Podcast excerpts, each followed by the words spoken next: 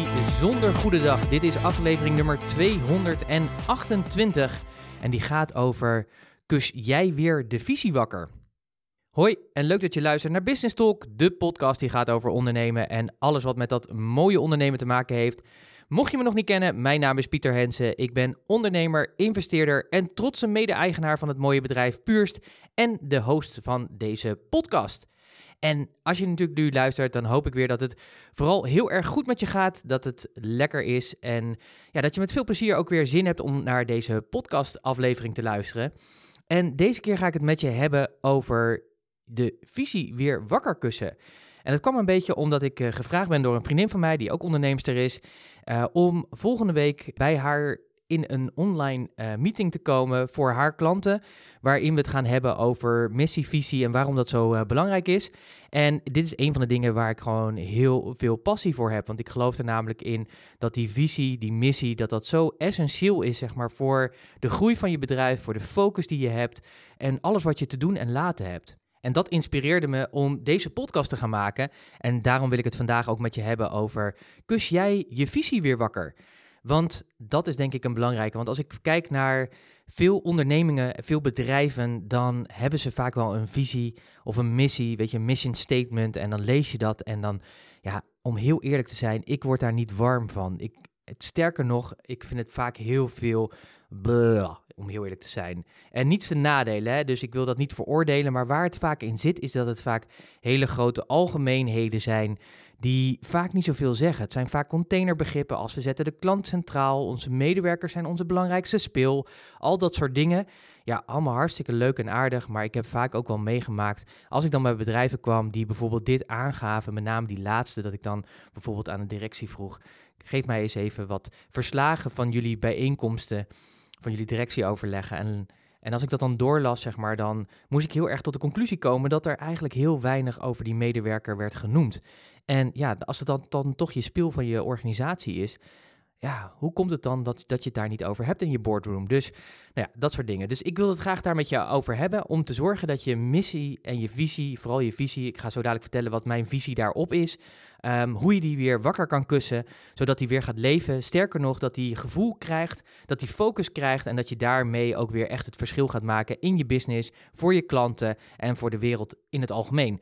En um, ja, daar heb je wat in te doen. En daar heb ik een hele mooie methodiek voor, die ik ook vaak met mijn klanten gebruik. En deze podcast die heet natuurlijk Kus jij weer de visie wakker? En ik heb één heel goed boek, zeg maar, die gaat over visie. Want er zijn natuurlijk heel veel boeken geschreven over missie, visie en al dat soort dingen. Um, dus je kunt daar heel veel over vinden. Er zijn heel veel definities over. Maar gelukkig hebben we in Nederland uh, een uh, aantal schrijvers die een heel mooi boek hebben geschreven. En dat heet letterlijk Kus de visie weer wakker. En in, die, in dat boek, zeg maar, hebben zij uh, letterlijk een heel mooi model uh, geschreven. Het is geschreven door Hans van der Loo, Jeroen Geelhout en Salem Samhout. En die laatste kun je misschien kennen van, uh, van Samhout and Places. heel mooi restaurant, maar ze hebben ook een goed adviesbureau. Hans van der Loo, ook een bekende, die doet heel veel bij organisatieveranderingen en dat soort dingen. Echte goeroes op dit gebied. Maar ik vind dat zij iets moois hebben gedaan. Want wat zij hebben gedaan is dat ze een model hebben ontwikkeld wat ervoor zorgt dat een missie, een visie omdat het toch vaak een beetje wollig taalgebruik is. Wat is het nou eigenlijk precies? Nou, daar ga ik straks met je over doorhebben. En waarom is het nou eigenlijk zo belangrijk om dat te hebben? Is vaak een beetje verwarrend. En het wordt ook, uh, ja, er, er, is ook wel een beetje een soort Babylonische spraakverwarring. Want sommigen die gebruiken missie als missie en visie als visie. Maar anderen die gebruiken weer visie als missie en missie als visie. Kortom, ik denk dat het goed is dat er eenduidig taal over komt. En die is er namelijk, want wat deze gasten hebben gedaan, die hebben namelijk het visie vierluik ontwikkeld. En daar wil ik met je over doorbomen en je in meenemen hoe je dat visie vierluik kan inzetten. En hoe belangrijk dat is om dat te doen. En ook hoe alle elementen, want je begrijpt al, een visie vierluik bestaat natuurlijk uit vier onderdelen. Hoe die elementen met elkaar uh, in verbinding staan. En hoe ze ook bij elkaar horen. Nou, eerst wil ik natuurlijk even met je hebben natuurlijk over, ja, wat is nou eigenlijk een missie en visie en uh, hoe kun je er naar kijken, zeg maar. Nou, je kunt daar natuurlijk op heel veel verschillende manieren naar kijken. Uh, hè, missie wordt natuurlijk vaak gezegd van dat is je bestaansrecht. Waarom ben jij er? Wat is de waarde die je toevoegt? Sommige organisatieadviseurs die stellen ook wel de vraag: als je bedrijf er niet meer zou zijn, wat zou er dan verloren gaan? Maar een missie voor mij is eigenlijk letterlijk de missie. Hè? Dus letterlijk dat wat je te doen hebt en waar je bedrijf altijd naar streeft. En voor mij is een missie ook iets dat niet haalbaar is. Het is nooit invulbaar, zeg maar. Dus als ik bijvoorbeeld even naar kijk naar mijn missie bijvoorbeeld, is het beste uit mensen halen en hun bedrijf. En hen zeg maar zo te positioneren dat ze echt dat ook gaan doen. Dat ze die talenten die ze gekregen hebben, dat ze die ook ten volle gaan benutten. En dit is iets wat ik gewoon continu kan blijven doen. Want er zijn zoveel nieuwe ondernemers.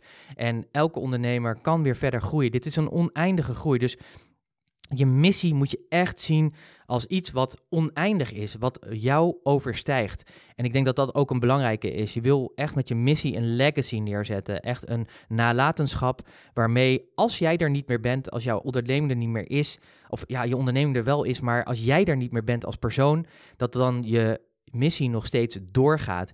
En het toffe van je missie is natuurlijk ook, dat is iets, hè, dan kun je natuurlijk ook kijken naar je persoonlijk, want dit stuk, hè, het beste uit jezelf en uit je bedrijf halen, ik heb dat dan gekoppeld aan je bedrijf. Maar het beste uit jezelf halen, dat is eigenlijk de basis in uh, dit verhaal. Ja, dat kan ik natuurlijk overal doen.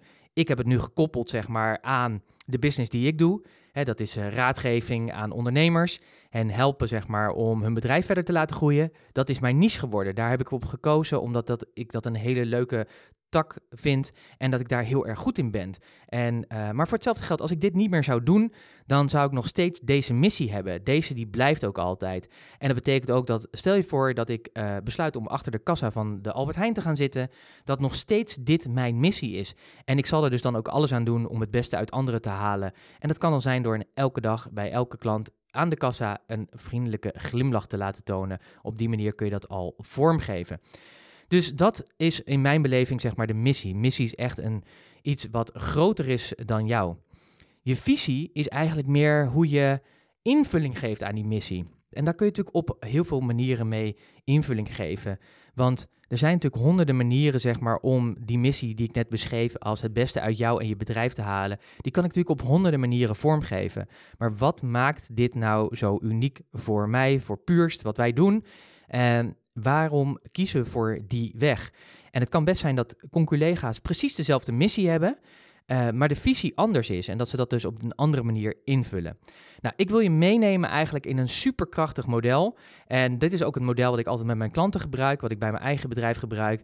En wat ik denk dat dat echt heel erg waardevol is. En dat is het visievierluik. En het zijn eigenlijk vier verschillende onderdelen. En in het model is het eigenlijk wel mooi, want in het model wordt het beschreven zeg maar als een, uh, ja, als een cirkel met vier onderdelen, met vier druppels eigenlijk. Uh, je zou het kunnen zeggen vier golven, die in bij de punten die bij elkaar komen, het is natuurlijk altijd lastig, want het is natuurlijk een visueel iets, maar ik neem ze op in de podcastnotities trouwens, die ik uh, heb bijgesloten bij deze podcast. Dus wil je het model visueel kunnen zien, dan kun je hem daar vinden. En ook alle onderdelen van het visie 4 luik en de samenvatting een beetje van deze podcast. Dus ga daarvoor naar puurs.nl slash podcast 228, dus puurs.nl slash 228. Daar vind je de podcastnotities, download die, dan heb je een mooie pdf waar dat in staat. Nou, wat ik net zei, die onderdelen die komen bij elkaar in een punt. Dus in de kern raken ze allemaal elkaar. Maar het is ook vormgegeven dat er dynamiek in zit. Dus het lijkt net of het, de, of een cirkel is die ronddraait, zeg maar. En dat is ook precies wat het is. En wat ik het mooie vind aan dit verhaal is dat deze vier onderdelen, die staan dus niet los van elkaar. En Richard Wagner, de componist, uh, die heel bekend staat om zijn fameuze opera's, die noemde zijn opera's ook altijd Gesamtkunstwerken. Dus alle elementen, zeg maar, die maken gezamenlijk het kunstwerk. En eigenlijk zou je het visievierluik ook zo kunnen zien. Dat is echt een gesamtkunstwerk. Dus samen, zeg maar, vormen zij het visievierluik. En samen vormen zij de visie, zeg maar, naar de toekomst toe. En daarin zit natuurlijk missie, visie, de strategie, de kernwaarden, de doelen die je wil bereiken. Alles wat je nodig hebt om vooruit te komen. Nou, ik ga hier niet langer uh, in spanning laten wachten. Ik ga je meenemen in de vier onderdelen die, waar dit model uit bestaat. Het begint met het hoger doel. En het hoger doel, dat beschreef ik net al eventjes, dat is eigenlijk de bestaansgrond van je bedrijf. Het geeft op een heldere en inspirerende en vaak puntige manier uh, aan wat je, wat je idealen zijn en je unieke bijdrage aan deze wereld. En uh, bij een hoger doel moet je vooral denken, zeg maar, bij dingen die gewoon ervoor zorgen wat jouw bedrijf zo authentiek maakt. En wat ik net ook al schreef, zeg maar. ehm, dit is echt de essentie. Dit zit helemaal in je DNA verwezen. En daarom vind ik vaak dat missies en zo en visiestatements zo vaak zo hol zijn. Omdat we, als we ze hebben, dat we, dat we vaak gewoon doorgaan met de business van de dag. Niet integreren in de dagelijkse activiteiten van het bedrijf. Dus als we nadenken over de doelstellingen, hoe verhoudt zich dat dan tot die missie, tot het hoger doel? Hoe verhouden eh, personeelsbeleid zeg maar, tot het hoger doel, et cetera? Weet je, dus daar wordt heel vaak te weinig over nagedacht en dat vind ik heel erg boeiend. Dan hebben we wel iets moois, maar het is eigenlijk een holle frase. En ik wil je eigenlijk oproepen en met jezelf afspreken dat je dat niet gaat doen. En dat je echt ervoor gaat kiezen dat het iets wordt wat beweegt. Want het toffe is, we hebben natuurlijk ook veel onderzoek gedaan naar bedrijven die echt een levende missie en visie hebben. En die zijn vaak ook heel veel succesvoller. En zeker vandaag de dag, waar het steeds moeilijker wordt om talenten aan je te binden, is het zo belangrijk dat je heel helder hebt wat die missie en visie is. En ook die te leven, letterlijk ook in de kernwaarden die je hebt, in het gedrag wat je daarin vertoont. Want wat dat doet is, zeg maar, is dat de juiste personen zich aangetrokken voelen tot je. Maar ook als je mensen hebt aangenomen die daar toch achteraf minder bij blijken te passen, dan nemen die ook heel snel afscheid of jij neemt heel snel afscheid van die mensen. En daarmee wordt het uniek en echt. En dat is zo belangrijk, denk ik. Want op het moment dat dat niet zo is, zeg maar, dat je naar buiten toe wel die mooie missie en visie en dat mooi in je website en dat soort dingen allemaal verkondigt, maar van binnen klopt er geen bal van ja, weet je, dan raak je ook mensen snel weer kwijt. En dat is heel erg zonde, want ja, werving en selectie, mensen inwerken, alles, et cetera, kost gewoon veel tijd en geld. En dat is nou net wat je wil besparen door de juiste mensen op de juiste plek te hebben. En het is ook heel erg simpel. Mensen willen verbonden voelen met een missie. Mensen willen er, er bijdragen. Zeker de millennials, dus de mensen die na 1980 geboren zijn, dat zijn mensen die het verschil willen maken. En dat willen ze alleen maar door te werken bij bedrijven die ook echt het verschil maken. Dus uh, als jij hier naar luistert en denkt van wauw, weet je, dit past bij mij, dan zou ik zeggen, neem dit gewoon serieus. Um, ja, dus het hoger doel. Ik heb in de podcastnotities een aantal vragen gesteld die je kunnen helpen om tot het hoger doel te komen. En eigenlijk heeft het heel erg te maken met de vraag: waarom ben ik hier op aarde? En want dit vinden we vaak heel erg lastig. Van wat is nou de kern zeg maar, van onze missie? Wat wil je nou eigenlijk bijdragen? En dat vind ik ook het mooie, ook altijd als ik met mijn klanten met een hoger doel aan de slag ga. Want wat we dan gaan doen vaak is dat we letterlijk in de rol van een vierjarige kruipen. Althans, ik eh, doe dat dan vaak. En ik vraag mijn klanten um, echt letterlijk elke keer de vraag waarom. Waarom is het belangrijk voor je? Waarom moet jij dit doen? Waarom, waarom, waarom? En waarom doen we dit? Uh, eigenlijk heel erg simpel, omdat heel vaak als ondernemer zijnde kon je zelf wel tot die missie komen. Althans tot een bepaalde oppervlakte. Dus ik vergelijk het eigenlijk altijd met een ijsbergmodel. Um, hè, een ijsberg, daar heb je natuurlijk een stukje, nou, hij wordt natuurlijk steeds minder herkenbaar, omdat we natuurlijk met de global warming zitten. Maar over het algemeen kun je natuurlijk zeggen, een ijsberg heeft een stukje boven en vaak een heel groot stuk eronder, onder het water zitten. En dat wat boven het water is, dat is zichtbaar. Hè? Dus dat zijn vaak de mission statement, de uitingen van je logo, de kleuren, et cetera. Dus letterlijk wat we zien. Maar ja, het DNA, dat zit vaak daaronder. Dus waarom doe je wat je doet? Dus wat is nou echt jouw missie? Dat zit vaak in de punt, zeg maar, van de ijsberg die onder water zit. En wat ik vaak zie, zeg maar, met mijn klanten, is dat ze, uh, je hebt altijd iemand anders nodig om door te kunnen vragen. Dus ook met het team wat we aan de slag uh, soms gaan, maar meestal met de ondernemer zelf. Je hebt gewoon iemand anders nodig die je helpt om je elke keer een level dieper te brengen tot de kern zeg maar van ja, waarom doe je nou eigenlijk wat je doet? Wat is nou echt het hoger, bedoel, het hoger doel van het bedrijf? Dus wat is die missie? Wat is dat wat je, waarvoor je hier op aarde bent? En dat zijn natuurlijk hele filosofische vragen. En vragen die ook heel vaak met emotie en gevoel zich hebben. En daarom is het vaak ook voor mensen heel moeilijk om tot die kern te komen. Omdat ja, je voelt iets, zullen we zeggen. Ja, dit is wat je hebt te doen. Dit is wat belangrijk voor je is. En ik denk dat dat vaak ook heel erg fijn is om daar mijn klanten bij te helpen. Om te zorgen dat zij dit, dat gevoel ook meer woorden kunnen geven. Want op het moment dat je er meer betekenis aan kan geven, kun je het ook weer verder gaan uitdragen. En dat is precies wat er nodig is om een succesvol bedrijf neer te zetten en te houden. En ik ga er zo dadelijk nog wat interessants over vertellen. Een ander aspect van het visie 4 luik zijn kernwaarden. En kernwaarden zijn eigenlijk diep gewortelde overtuigingen die aangeven wat jij als ondernemer belangrijk en wezenlijk vindt. Ze geven echt letterlijk aan waarvoor je staat En ja, dit zijn eigenlijk de morele doelen of idealen die je als ondernemer met je bedrijf nastreeft, wat je waardeert en motiveert, zeg maar. En wat ik het mooie aan kernwaarden vind, kernwaarden zijn eigenlijk die dingen waarvan jij zegt van ja, dat is zo wezenlijk en belangrijk voor me, die zijn niet onderhandelbaar. Als ik een opdracht zou moeten aannemen uh, die tegen mijn kernwaarden ingaat, maar ik zou er wel enorm goed voor betaald worden, dan is het antwoord nee. En heel erg simpel, omdat ze ingaan tegen de kern van wat jij belangrijk vindt. En dat vind ik ook het mooie van uh, kernwaarden, want kernwaarden geven daarmee ook aan dat ze eigenlijk een soort, ja, of niet eigenlijk, kernwaarden zijn ook daarmee gewoon een, een richtsnoer, een zeg maar toetsstenen. En wat ik altijd heel erg mooi vind bij kernwaarden, als je dat hebt, dan kun je die ook weer vertalen. Want kernwaarden zijn natuurlijk heel vaak containerbegrippen. Dus als ik even naar mijn persoonlijke kernwaarden kijk, dan is dat vrijheid, uh, groei en verantwoordelijkheid nemen. Nou ja, je kunt natuurlijk voorstellen, weet je, wat is nou groei? Ja, groei is voor mij, heb ik daar bepaalde beelden bij. Ik heb het gevoel, zeg maar, dat ik me moet blijven ontwikkelen. Dat ik elke keer nieuwe informatie op me moet nemen. En dat ik me zeg maar, mijn talenten moet blijven voeden. En toe wil werken naar een betere versie van mezelf. En ik heb ook het gevoel, als ik niet groei, dus als ik niet dat doe, als ik me niet investeer in kennis, vaardigheden en gedrag, dat ik dan echt letterlijk doodga. Natuurlijk zal dat niet zo zijn, maar zo voelt dat voor mij. Dus dat is het voor mij. Maar misschien is groei voor jou wel heel iets anders. Dus een kernwaarde krijgt ook pas, hè, het containerbegrip krijgt ook pas betekenis als je er betekenis aan geeft. En daarom is dat ook zo belangrijk om dat te doen. Uh, het mooie is als je op het moment dat je er betekenis aan geeft, is dat je er ook gedragselementen aan kan koppelen. Dan kun je er letterlijk ook gedrag aan koppelen. Dus bijvoorbeeld, uh, je zou kunnen zeggen, neem de kernwaarde integriteit.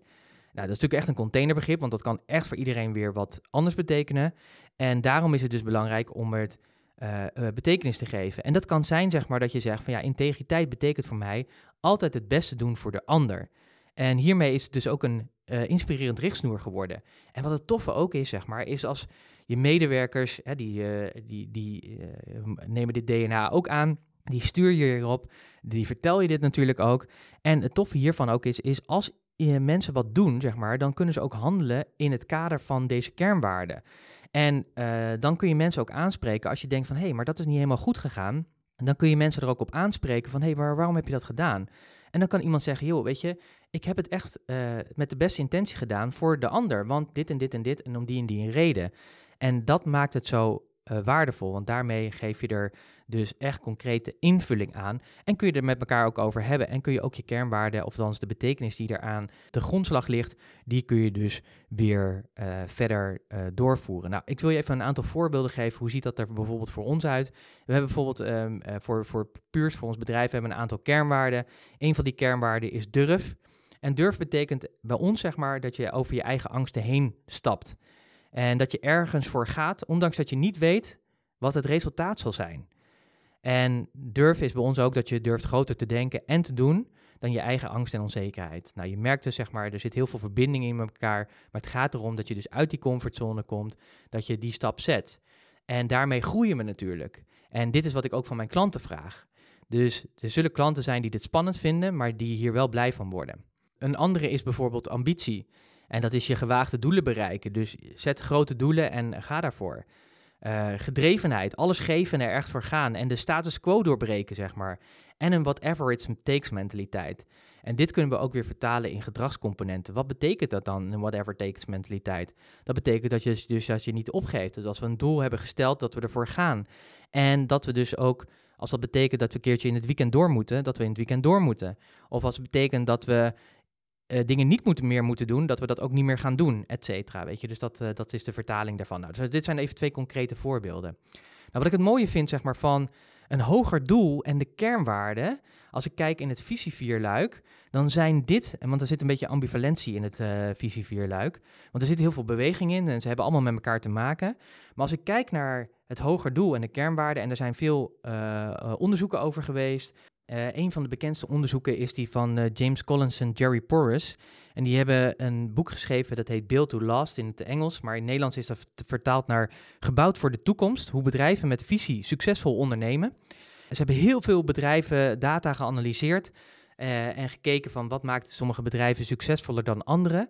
En wat bleek daaruit, en het gaat echt over meer dan 100 jaar onderzoek, dus het is echt heel veel data zeg maar. En het toffe is, is dat ze ontdekt hebben dat bedrijven die hun missie en hun kernwaarden intact hebben gehouden. Dus misschien wel hebben aangescherpt, maar niet hebben veranderd. Want dat gebeurt heel vaak. Van dat bedrijven op een gegeven moment besluiten om hun hoger doel, hun missie, hun bestaansrecht aan te passen. En dat is natuurlijk eigenlijk best wel raar. Want dat was net wat ik ook zei, zeg maar. Bij ons is het het beste uit jou en je bedrijf halen. En voor mij persoonlijk is het beste uit jouzelf halen. Dus dat is eentje, ja, weet je, als ik die zou gaan aanpassen naar totaal iets anders, ja, dan doe ik mezelf tekort, zeg maar. Want dit is gewoon de kern waarvoor ik hier op aarde ben. Om dat voor mezelf te doen, maar ook om dat voor anderen te doen. En daar heb ik allemaal talenten voor, zeg maar, die ik kan inzetten om dat te bereiken. Een van die dingen is bijvoorbeeld deze podcast die ik daarvoor gebruik.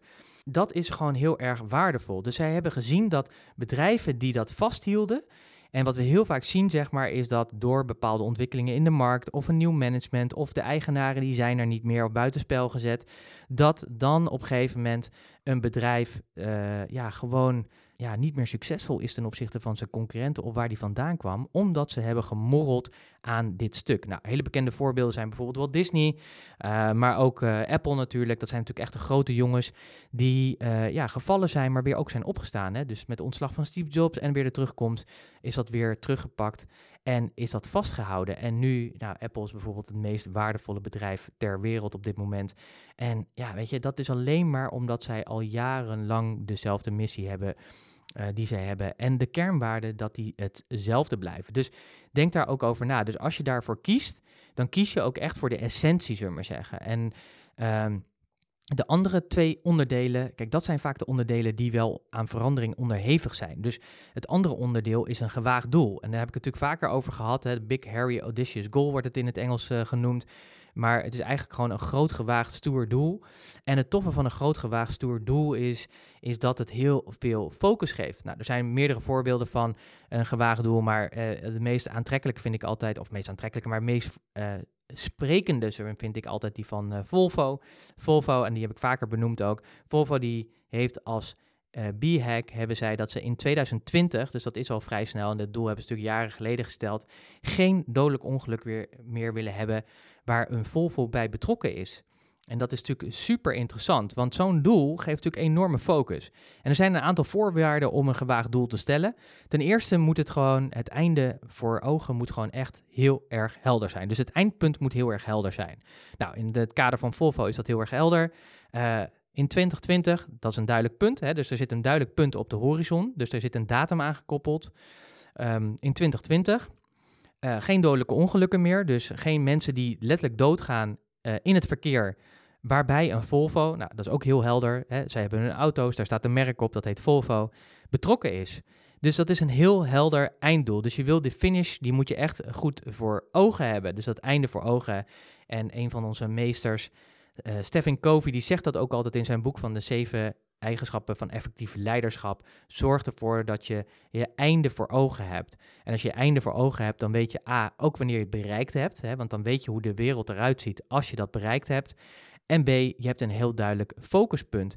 En het andere punt, wat ik net al even noemde, maar wat heel erg belangrijk is, is dat je dus een eindpunt bepaalt. Dus dat je zegt van oké, dan en dan heb ik het gerealiseerd.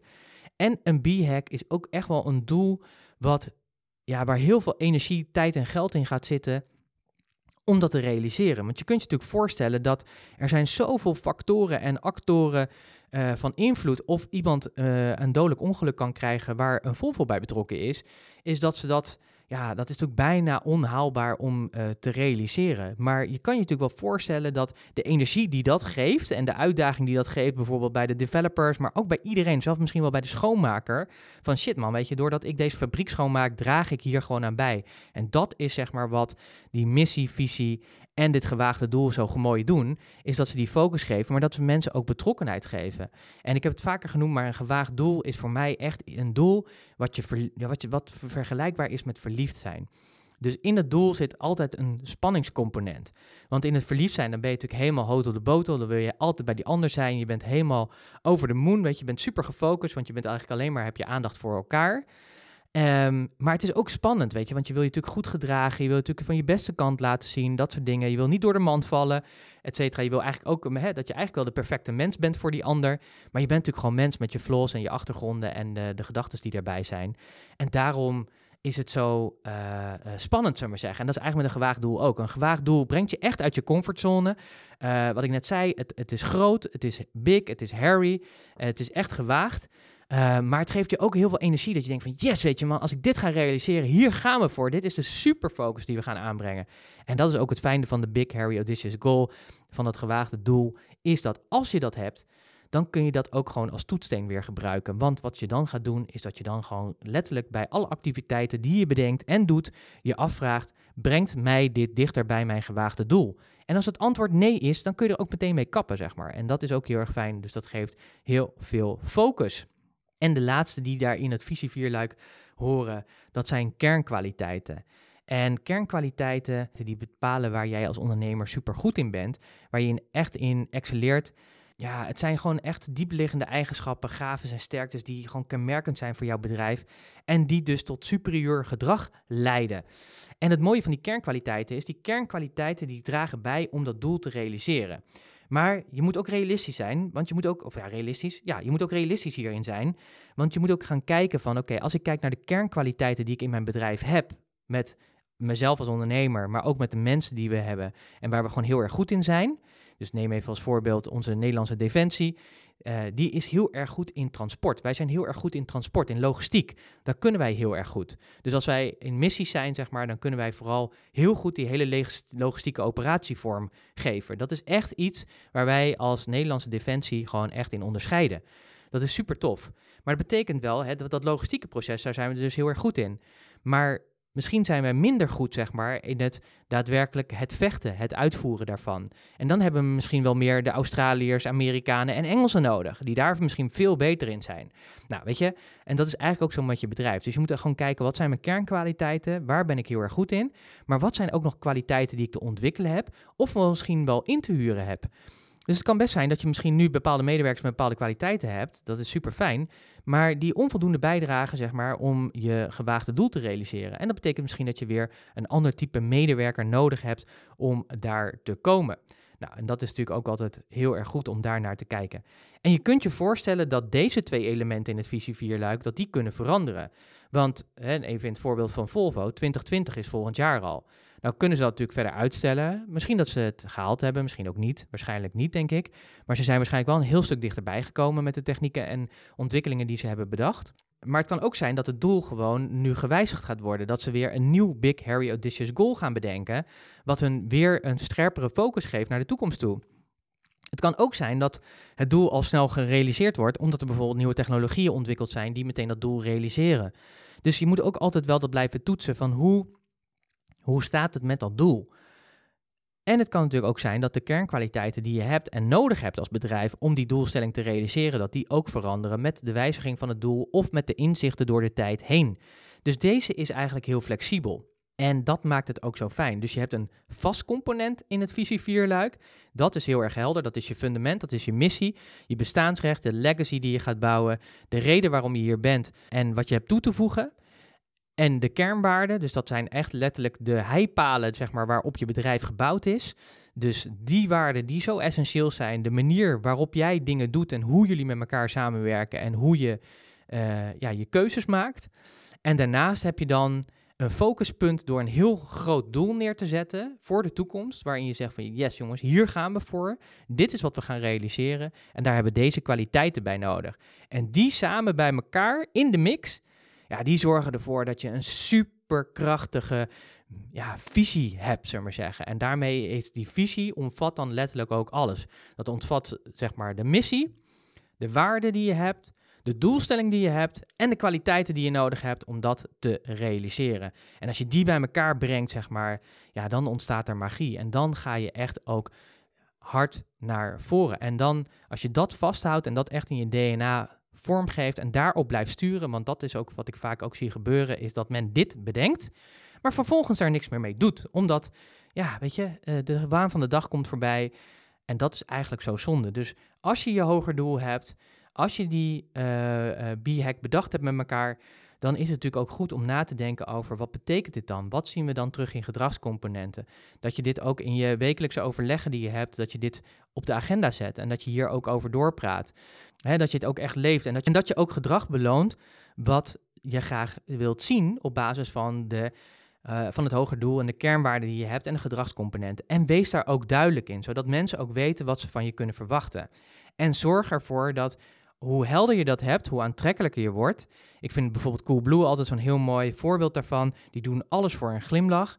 En dat hebben zij natuurlijk helemaal vertaald in hun DNA. Dus letterlijk als je, ik weet niet of je wel eens een pakketje hebt gehad van Coolblue, of als die jongens wel eens een keer bij je thuis zijn geweest. Nou, ze hebben vorig jaar bij mij een, uh, een wasmachine en een, en een uh, koelvries combinatie gebracht alleen al zeg maar, uh, hoe ze zeg maar, je tegemoet treden, brengt al letterlijk, hier, ik begin nu ook alweer te glimlachen, die glimlach. Maar ook in hun personeelsbeleid, in alles wat zij doen, hebben ze die lol en gaan ze daarvoor. Zij willen die klantenservice tot een next level verrichten. En zij doen dus alles voor die glimlach. En dat is helemaal in hun DNA ingevoed. En omdat zij dat zo goed doen, en ik vind hen daar een mooi voorbeeld in, betekent het letterlijk dat ze heel hard groeien. Ze hebben meer dan een miljard euro omzet. Ze groeien heel hard. Maar zij hebben ook, en luister even goed, zij hebben ook meer dan 80.000 open sollicitaties per jaar. Dus dat betekent dat 80.000 mensen heel graag bij jou willen komen werken. En dat komt alleen maar omdat zij hebben begrepen hoe belangrijk het is om dit visievierluik zeg maar vorm te geven en in alle facetten, in de totale DNA van het bedrijf dat uit te stralen, van boven naar beneden. En de CEO Pieter Zwart is daar natuurlijk een meest voorbeeld van meest zichtbare, maar eigenlijk iedereen, wie je ook belt, de klantenservice, het hele proces eromheen. Het klopt allemaal met de visie die ze hebben, het hoger doel die ze hebben, de waarden die ze uitstralen en de kwaliteiten die ze inzetten om dit te realiseren. En aan jou de opdracht, en het maakt eigenlijk niet uit of je nu luistert en je bent een ondernemer met een serieus bedrijf, met veel mensen in dienst, of je bent een ZP'er die net begint en na gaat denken over de toekomst van zijn bedrijf, dan zou ik zeggen, dan heb je zelfs een voorsprong. Want heel vaak ben ik met mijn klanten hiermee bezig als ze eigenlijk al een heel stuk verder gegroeid zijn. En dan gaan we dit vormgeven en dan kan je voorstellen dat dat reuring geeft, want dan ga je natuurlijk ja, verdieping brengen, dan ga je koers bepalen.